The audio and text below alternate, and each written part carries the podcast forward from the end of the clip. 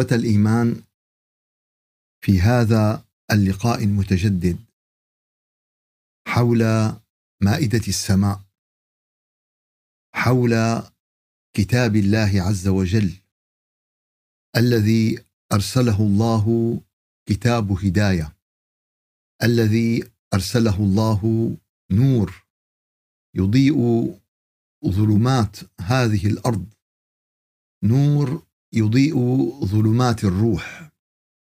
أرسله الله مناهج عمل وخطط نسير عليها في الحياة حتى نعيش الحياة الهانئة المطمئنة لنصل من بعدها إلى الآخرة السعيدة الأبدية. الله عز وجل وضع لنا في القرآن الكريم خطط عمل وضع لنا برامج بين لنا كل ما نحتاج إليه. بين لنا أحوال الكافرين وحججهم. هذه الحجج التي بدأت من آلاف السنين وما زالت مستمرة وإنما بألوان وأشكال مختلفة وحقائق واحدة ثابتة انتهجها الشيطان في برنامجه. وصلنا إلى قوله تعالى في سورة النحل ولقد بعثنا في كل أمة رسولا أن اعبدوا الله واجتنبوا الطاغوت. فمنهم من هدى الله ومنهم من حقت عليه الضلالة. فسيروا في الأرض فانظروا كيف كان عاقبة المكذبين. الآية 36 سورة النحل. الله عز وجل يبين هنا حقائق ثابتة أنه لا بد من البيان. أنه لا بد من الدلالة وإن من أمة إلا خلا فيها رسول. وكما بينا في الدروس السابقة أن رسولا هنا أتت نكرة يعني وهذا المعنى يشمل معاني العموم. يعني كل رسول أتى يدعو قومه كل إنسان حمل الرسالة حمل البلاغ المبين إلى الناس الذين حوله فهو رسولا إليهم. رسول بمهمته رسول بعمله. وإن كان لا يصل إلى الرسالة بمقامها إلا من جعله الله رسولا. يعني في الرسالة كمقام هي خاصة بالأنبياء والرسل. أما الرسول كمهمة فهو شيء مطلوب من كل أحد فينا. وما في أمة إلا خلا فيها نذير إلا خلا فيها رسول. طيب هذا الرسول لشو بده يدعي؟ وهي النقطة كتير أساسية وكتير مهمة وهذه النقطة تبرر بين قوسين فشل. معلش وأنا آسف لهذه الكلمة. فشل الدعوة الإسلامية في العصر الحديث رغم الأرقام والفيديوهات والكذا والكذا. ولكن ليش؟ لأن الدعوة لها أساس واحد أن يعبدوا الله. نحن عم نطلب منه 500 قصة. عم نطلب منه 500 شغلة قبل ما نوصل لهي. أن يعبدوا الله بتطلب منه بالبداية بس في إله خالق واحد أحد بتآمن فيه. لا بدنا بقى آه يساوي لنا كل المتطلبات اللي المسلمين ما عم بيساووها فشو مهمة الرسول؟ قال أن يعبدوا الله. بده يعبد الله عز وجل. مخلصا له الدين. أساس العبادة هي الإخلاص. ليش؟ العبادة لله. ومن أخطر ما يصيب العبادات أن هذه العبادة آه، يدخل فيها حظ النفس يدخل فيها الهوى يدخل فيها الرياء وهي من أخطر ما يمكن أن يصيب العبادة. أخطر ما يمكن أن يصيب العبادة أن تنحرف عن جادة الإخلاص. العبادة لله ولله وحده. فإياك ثم إياك أن يخالط عبادتك أن يخالط حجك أن يخالط أعمالك الصالحة أن يخالط صدقتك أن يخالط تعليمك أن يخالط هدايتك للخلق. أي شيء سوى الله عز وجل. فأنت هنا تخسر خسرانا مبينا. فأن يعبدوا الله. فالإخلاص أساس العبادة أن يعبدوا الله كما يريد الله عز وجل. فلا اختراع بالعبادات. مو كل واحد بيخترع عبادة على كيفه. في نصوص شرعية في آيات قرآنية في نصوص ثابتة. أي شيء يتعلق بالعبادة بده يكون نص قطعي الثبوت قطعي الدلالة. وكل واحد على كيفه بيحكي وكل واحد على آه، كيفه بيألف. فأول شيء العبادة خالصة لله عز وجل. ثاني شيء هذه العبادة وفق منهاج الشرع الحنيف. ثالث شيء إنه هي العبادة إلى غاية إلى هدف. إلى غاية وإلى هدف. شو الغاية والهدف تبعها؟ قال الغاية والهدف تبعها. أنت لما بنبعتك على المدرسة شو بتتعلم أول شيء قال بتتعلم القراءة والكتابة. يعني بس مشان تقرأ وتكتب بالمدرسة؟ قال لا. أنا باخذ معي القراءة والكتابة بكل حياتي بشغلي بعملي ببيتي ببيتي أنا بقرأ بفتح التلفزيون بقرأ بفتح التليفون بقرأ بفتح كتاب بقرأ. لا يقتصر هذا الأمر فقط على آه والكتابه كمان. أنا بكتب بكل مكان بكتب ملاحظاتي بكتب كذا ببعث رسالة. فنحن لما تعلمنا القراءة والكتابة صحيح تعلمناها بالمدرسة ولكن حملناها معنا إلى كل حياتنا. وكذلك يا أحبابنا العبادات هي مدرسة. مدرسة بتعلمك الصلة بالله. مدرسة بتعلمك محبة الله. مدرسة بتعلمك معرفة الله. مدرسة بتعلمك كيفية التواصل مع الله عز وجل. إيه مو معناتها خلصت العبادة؟ أنت قال لا بدك تحمل معك روح العبادة إلى حياتك. شو؟ بدك تحمل معك روح العبادة لحياتك وترتقي بحياتك ترتقي بحياتك ترتقي بحياتك. إيه؟ قال حتى تصبح حياتك كلها عبادة لله عز وجل. قل. قل. قل فعل أمر. قل. لمين؟ يا محمد صلوات الله وسلامه عليه. قل إن صلاتي ونسكي. شو صلاتي ونسكي. عبادتي شعائر كلها هي لله قل إن صلاتي ونسكي. قال بس هيك؟ قال لا هي البداية. هي البداية. في لها نتائج شو النتائج؟ قل إن صلاتي ونسكي ومحياي ومماتي لله رب العالمين. فبنبدأ بصلاتي ونسكي. ومنعمم بعدين على إيش؟ على محياي ومماتي يعني كل عبادتي كل إيش؟ كل حياتي كل شو محياي ومماتي مو بس حياتي ومماتي شو؟ لله رب العالمين. فهنيئا يا أحبابنا لمن تحقق بهذه المعاني القرآنية. قال بنقول السنة هي السنة. بندور على السنة بندور هون وهون وبنجيب شغلات صارت وشغلات ما صارت. هي السنة قل إن صلاتي ونسكي ومحياي ومماتي لله رب العالمين. بذا أمرت وأنا أول المسلمين فأنا أمرت بهالشيء هذا وأنا أول واحد بدي أمشي. فهي سنة النبي أول واحد ماشي بهالخط بدك فرجيني يا ترى قديش أنت مطبق بيقول لك نحن أخي تطبيق الكتاب. هي قديش نطبق أنت بس بهالسنة هي. بس بسنة قل إن صلاتي ونسكي ومحياي ومماتي لله رب العالمين. قديش انت مطبق من هالسنة هي؟ ولقد بعثنا في كل أمة رسولا أن يعبدوا الله واجتنبوا الطاغوت فمنهم من هدى الله ومنهم من حقت عليه الضلالة. فسيروا في الأرض فانظروا كيف كان عاقبة المكذبين. طبعا يا أحبابنا آه بعض هذه الآيات حينما يأخذها الإنسان بسطحية توقع بإشكال. توقع بإشكال فهم مشيئة رب العالمين. فتختلط عليه الأمور. عم لك منهم من هدى الله. الله اللي هداه. ومنهم من حقت عليه الضلالة. خلص الله آه، فقل له يا أخي نعم نعم. الله عز وجل الله عز وجل قد يسر لنا سبل الهداية. ولكن لم يجعلها قصرا علينا. ما أجبرنا عليها. يسر لنا السبل فإذا اهتدينا فالهدى من الله. نحن نسلك طريق الهداية فتأتي الهداية من الله عز وجل. وكذلك الإنسان الثاني يسلك طريق الضلال فيستحق الضلال من الله عز وجل. قال والدليل على هذا الكلام ما نفهم الفهم الغلط قال فسيروا في الأرض. فانظروا كيف كان عاقبة المكذبين. قال إذا أنتم ما بتصدقوا امشوا بهالارض هي سيروا بالأرض شوفوا كيف الناس اللي كذبوا كان ها معناتها في ناس كذبوا وفي ناس استحقوا. ها فحق عليهم إيش؟ فحق عليهم العذاب. فكلمة يا أحبابنا فسيروا في الأرض فانظروا.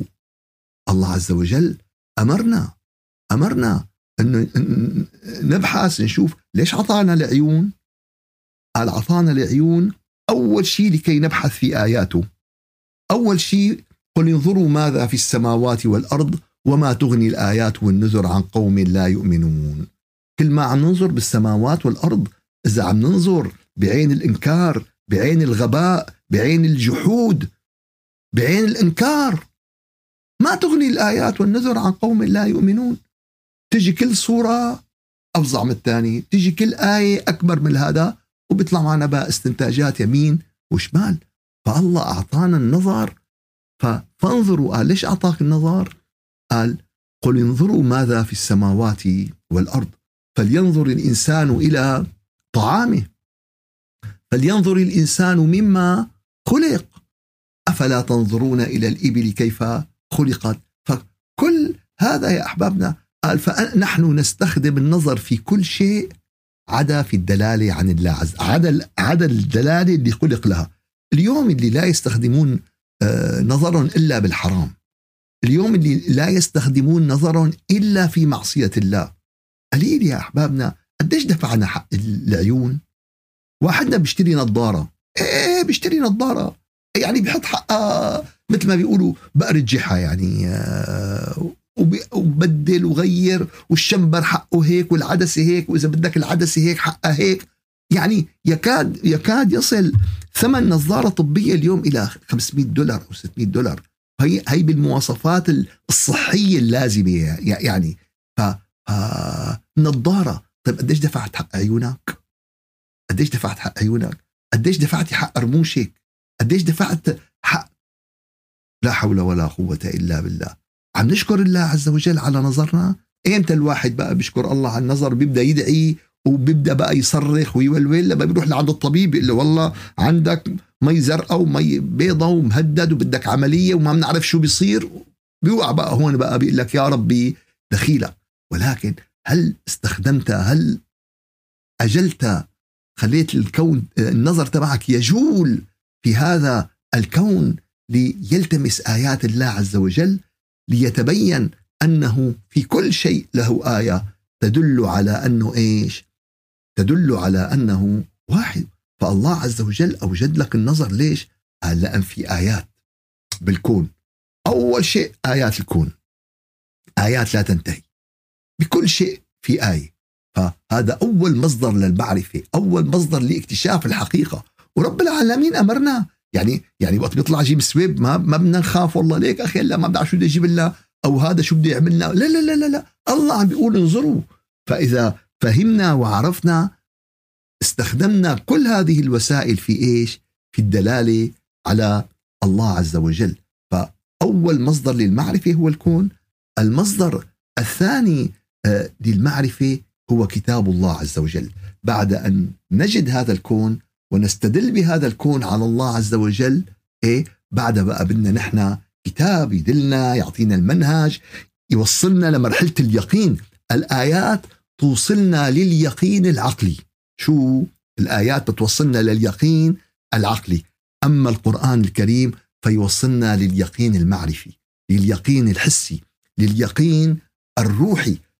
فهون تأتي آيات القرآن للدلالة على هذا الأمر. المصدر الثالث الحقيقة للمعلومات في الكون هو الحوادث التي تجري في الكون. وهي معنى قول الله فسيروا فانظروا كيف كان عاقبة المكذبين. تجولوا ابحثوا بالأرض وشوفوا شلون اللي اللي كذبوا شو كانت نتيجتهم. مو معناتها الله فرض عليهم. أم حسب الذين اجترحوا السيئات أن نجعلهم كالذين آمنوا وعملوا الصالحات سواء محياهم ومماتهم ساء ما يحكمون. الجاثي 21 شو محسبين أنتم رب العالمين حيفرضوا عليك هيك وحي... لا. أنتم اجترحتوا السيئات أنتم سلكتوا هذا الطريق. فيستحيل أن يكون هؤلاء. وبالمقابل يا أحبابنا من عمل صالحا من ذكر أو أنثى وهو مؤمن فلنحيينه حياة طيبة. ولنجزينهم أجرهم بأحسن ما كانوا يعملون. شوف يا أحبابنا من أخطر المسببات للأمراض النفسية اليوم هي عملية المقارنة. شو عملية المقارنة؟ فلان صار عنده سيارة كهرباء أنا ما عندي سيارة كهرباء. فلانة صار عنده ما بعرف شو أنا ما عندي ما بعرف شو. فلان زنقال. فلان جوز فلان طلق. فلان إجا ولا. فدائما يعقد المقارنات يعقد المقارنات يعقد المقارنات. صح بالقرآن في مقارنات. في مقارنات. وتكررت المقارنات في آلاف المواضع ولكنها مقارنة واحدة بين أهل النار وأهل الجنة. بس هي المقارنة. بدك تعقد مقارنة اجعل المعيار تبعك الجنة والنار. هي عيونها المكحلة رح توصلها للجنة ولا حتوصلها لنار جهنم؟ فلانة عم تعمل يوتيوبات وعم تطلع بالماء. طيب وصار عندها خمس ملايين معجب. هذا حيوصلها للجنة ولا حيوصلها ل ليكن المع... وهذا المعيار يا أحبابنا هو المعيار القرآني بالمقارنة. أم حسب الذين اجترحوا السيئات أن نجعلهم كالذين آمنوا وعملوا الصالحات؟ سواء محياهم ومماتهم ساء ما يحكمون. فهؤلاء اللي حقت عليهم الضلالة. أما من عمل صالحا من ذكر أو أنثى وهو مؤمن فنحيينه حياة طيبة. هون بدنا نقارن. هون وهي وصية النبي. قال لا تنظر بالدنيا إلى من هو أعلى منك. بالدنيا لا تطلع للي أحسن منك. لا أنا ما بطلع إلا اللي أحسن مني بالدنيا. مالك عرفان شو مصايبه مالك عرفان شو مشاكله مالك عرفان شو قضاياه وشو قصصه. تجي تتحسر على حالك وأنت أحسن منه ب 500 انت أحسن منه ب 500 مرة. فلذلك يا أحبابنا كل هذه المقارنات تسير في الأرض فانظروا كيف كان عاقبة المكذبين. إيه قارنوا شوفوا ابحثوا. فتلك الدار الآخرة نجعلها للذين لا يريدون علوا في الأرض ولا فسادا والعاقبة للمتقين. فهكذا يا أحبابنا هكذا تبين هذه الآيات. ولقد بعثنا في كل أمة رسولا أن اعبدوا الله واجتنبوا الطاغوت. فمنهم من هدى الله ومنهم من حقت عليه الضلالة. فسيروا في الأرض. فانظروا كيف كان عاقبة المكذبين. الآية 36 قال ولكي يضيع ويمحك كل إشكال بنفسك. أن الله يغصب حدا أو عم بيجبر حدا سواء على الهداية أو على الضلال.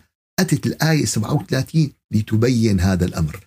إن تحرص على هداهم فإن الله لا يهدي من يضل. وما لهم من ناصرين. قال لو أنت يا محمد لو أنت يا محمد حرصت على هداهم حرصت على أنت عليك البلاغ المبين. اليوم يا أحبابنا إذا أخذنا هالقاعدة وفهمناها كثير بنرتاح بحياتنا كثير بنرتاح بحياتنا. ليش؟ قال أخي أنا أولادي مو مناح فبحط الحزن بالجرن. مو المهم أولادك مناح ولا مو مناح. المهم أنت ساويت اللي عليك ولا لا؟ هون ال... هون الموضع الشاهد. فإذا أنت ساويت اللي عليك فهن بشر بيتحملوا مسؤولية أنفسهم. طبعا نحن بنتمنى لهم الخير ونتمنى لهم كل فضيلة. بس على الأقل أنا بدي أنفذ بدي أنا أكون ساويت اللي علي. أما إذا أنت مالك مساوي اللي عليك هون المشكلة والمشكلة والمشكلة كبيرة. فان تحرص على هداهم. فإن الله لا يهدي من يضل. فالهداية يا أحبابنا الهداية لها إيش؟ لها أسسها. الهداية ليست ليست قضية والله يعني كما ذكرنا يعني تخضع للاهواء أو النزوات أو الرغبة حتى الرغبة من الأنبياء. ولقد بعثنا في كل أمة رسولا أن يعبدوا الله واجتنبوا الطاغوت. فمنهم من هدى الله. فالرسل أتت بالرسالة. الرسل أتت لتبين. الرسل أتت لتوضح. الرسل أتت لتبلغ. ولم تأتي لتقهر البشر. لم تأتي لتتسلط على الناس. لم تأتي دكتاتوريات آه، باسم الله عز وجل أو إرهاب باسم الله عز وجل أو أنا اللي ما بسمع كلامي ما بيعرف شو بده يصير فيه أو ما كذا أو ما. فكل هذا الأمر يا أحبابنا الرسالة واضحة. أن يعبدوا الله واجتنبوا واجتنبوا الطاغوت. إيه؟ فمنهم من هدى الله ومنهم من حقت عليه الضلالة. ف جاءت الرسل يا أحبابنا بثوب العقل بثوب الشرح بثوب البلاغ المبين بثوب التوضيح ليتأكد يعني من, من الصواب من إيش؟ من الباطل. ومثل ما ذكرنا ما جعل الرسل جبارين يغصبون الناس ويقهرون الناس وإنما جعلهم أطباء معالجين محببين آه، بالرحمة باللطف بالإحسان. وكذلك يا أحبابنا ولقد بعثنا في كل أمة رسولا أن يعبدوا الله واجتنبوا الطاغوت ففريق استجاب فمنهم من هدى الله. هذا الفريق اللي استجاب الله بهديه وفريق شرد عن طريق الإيمان. شرد في طريق الضلال ومنهم من حقت عليه الضلالة. شرد اختار فحقت عليه الضلالة. وهذين الفريقين يا أحبابنا بدنا ننتبه للنقطة. كلاهما لم يخرج على مشيئة الله. وكلاهما لم يجبره الله ولم يقصره قصرا على هدى أو ضلال. بتمنى تكون هالنقطة توضحت. اثنيناتهم ما خرجوا من المشيئة واثنيناتهم لم يقصروا لا على هدى ولا على ضلال. إنما سلك من شاء الطريق إلى الله عز وجل بإرادته بحريته بسلوكه بعد أن زوده الله بكل ما يلزم لهذا الأمر فهداه الله عز وجل وكذلك سلك الإنسان الآخر طريق الضلال طريق البعد عن الله عز وجل طريق فحقت عليه إيش؟ فحقت عليه الضلالة. إن تحرص على هداهم فإن الله لا يهدي من يضل. وما لهم من ناصرين. يعني اليوم المشكلة وين المشكلة يا احبابنا مثل إنسان ماشي بطريق كله كواع وكله وديان وكله جبال. إيه؟ قال وغمض عيونه. يا لطيف يا لطيف. هذا شو بده يصير فيه؟ هذا شو بده يصير فيه؟ ما بتعرف بأنه وادي بده يوقع. ما بتعرف بأنه جبل بده يفوت. وشو النتيجة؟ ما حدا رح يحسن ينقذه ولا حدا رح يحسن يساوي له شيء. إن تحرص على هداهم فإن الله لا يهدي من يضل وما لهم من ناصرين. ما لهم. فإذا هذا المثل في الدنيا فكيف بهذا المثل بالآخرة يا أحبابنا؟ كيف بالآخرة؟ إيه، والله الناس اليوم مو بس مسكرة عيونها. يا جماعة مسكرين عيونهم سادين أدنيهم ومضللين عقلهم وفكرهم الحقيقة وكما بينا أن هذه الآيات كلها تفند شبهات المشركين. بتفند إيش؟ بتفند شبهات المشركين وتبين كيف أن هذا شو قالوا المشركين بالآيات اللي سبقت هذه الآيات وقال الذين أشركوا لو شاء الله ما عبدنا من دونه من شيء. إذا الله بده نحن ما. فهي من وين طلع؟ هي عقيدة مين؟ عقيدة أهل الشرك. فاليوم اللي بيجي اليوم مسمي حاله مسلم بيقول لك أخي ما تمشي أخي لحتى الله يهدينا. إيه لحتى ربك يريد.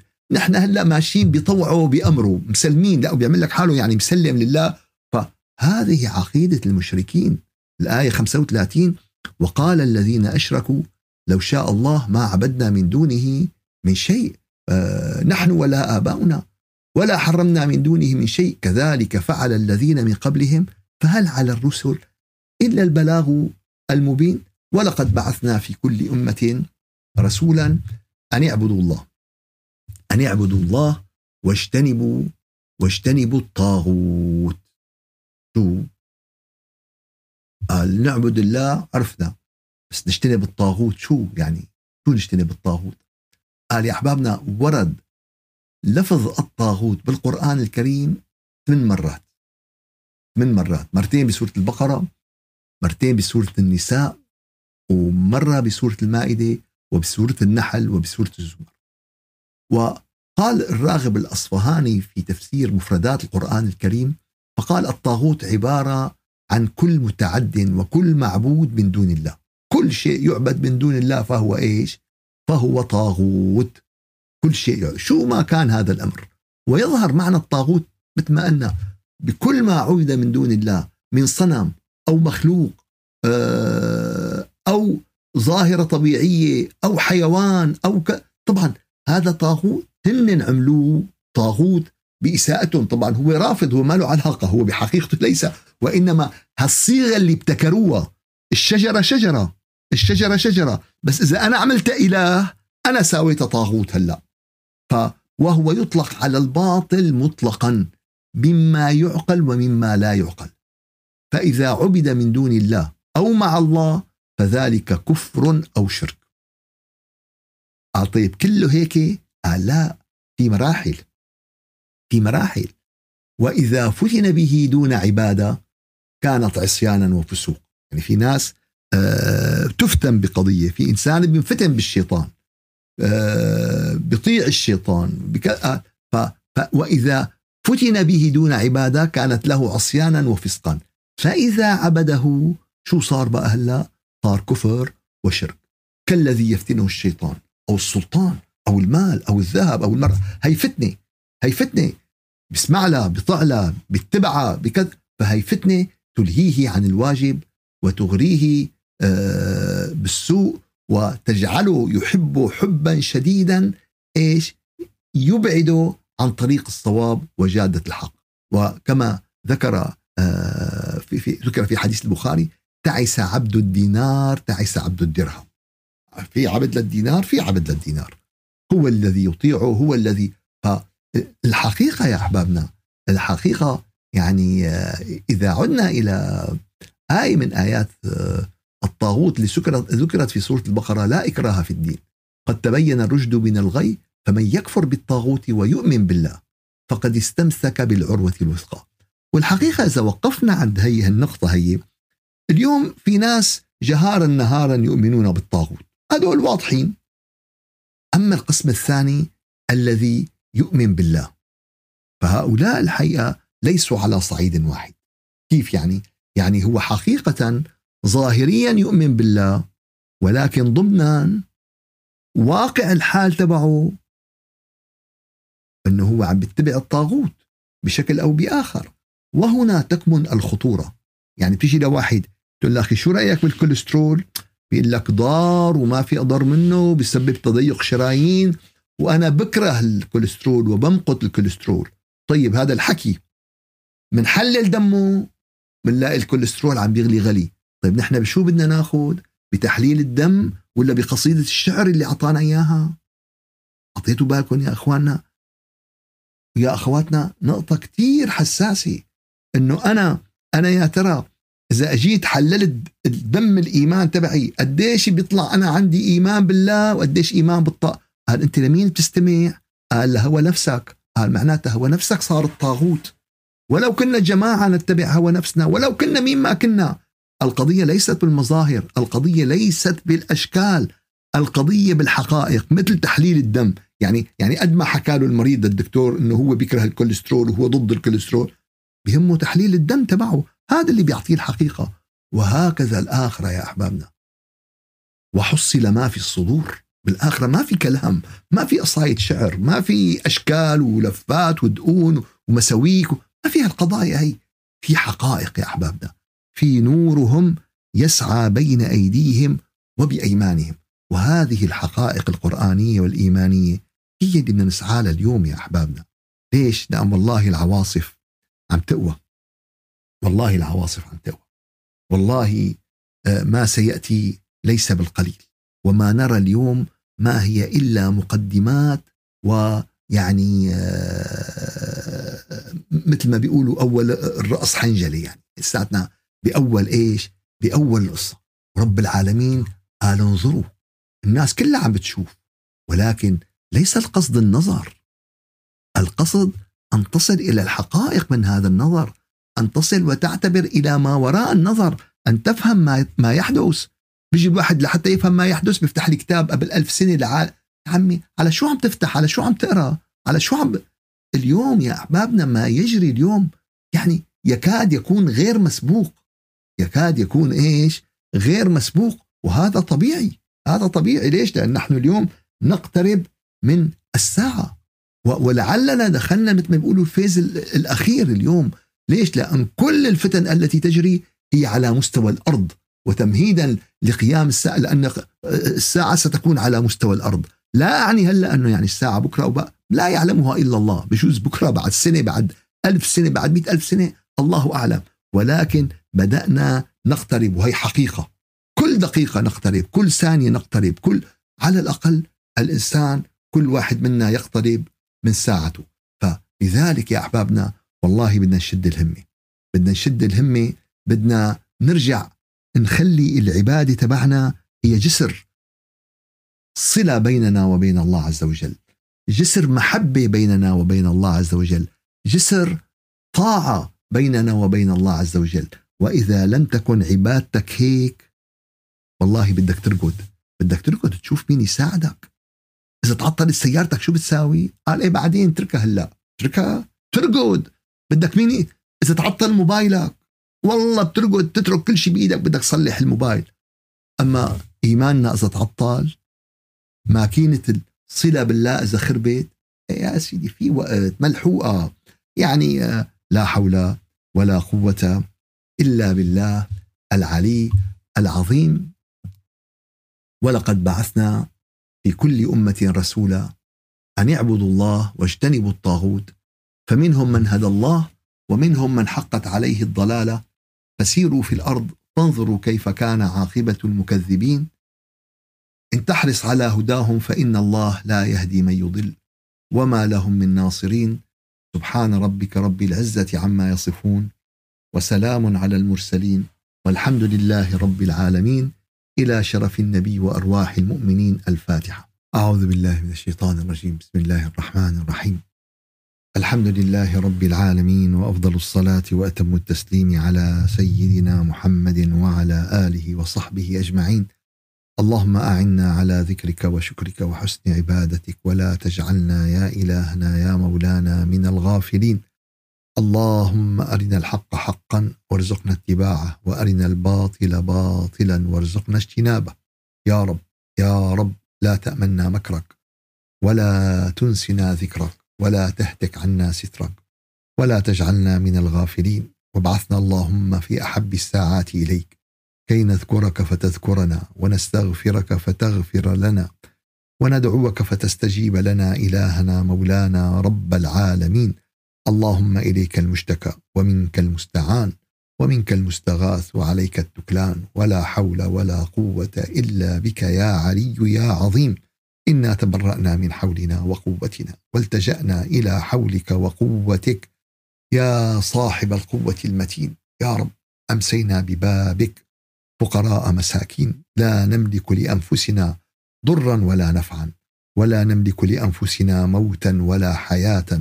ولا نملك لأنفسنا بعثا ولا نشورا. وحولنا العواصف وحولنا الظلمات من كل مكان. يا رب فتولى أمورنا كلها. يا رب يا رب تولى أمورنا كلها. عاجلها وآجلها ما علمنا منها وما لم نعلم. خصنا برحمتك يا صاحب الفضل العظيم. خصنا برحمتك يا أكرم الأكرمين. خصنا برحمتك يا أجود من سئل ويا أكرم من أعطى. سبحان ربك رب العزة عما يصفون وسلام على المرسلين والحمد لله رب العالمين. الفاتحة.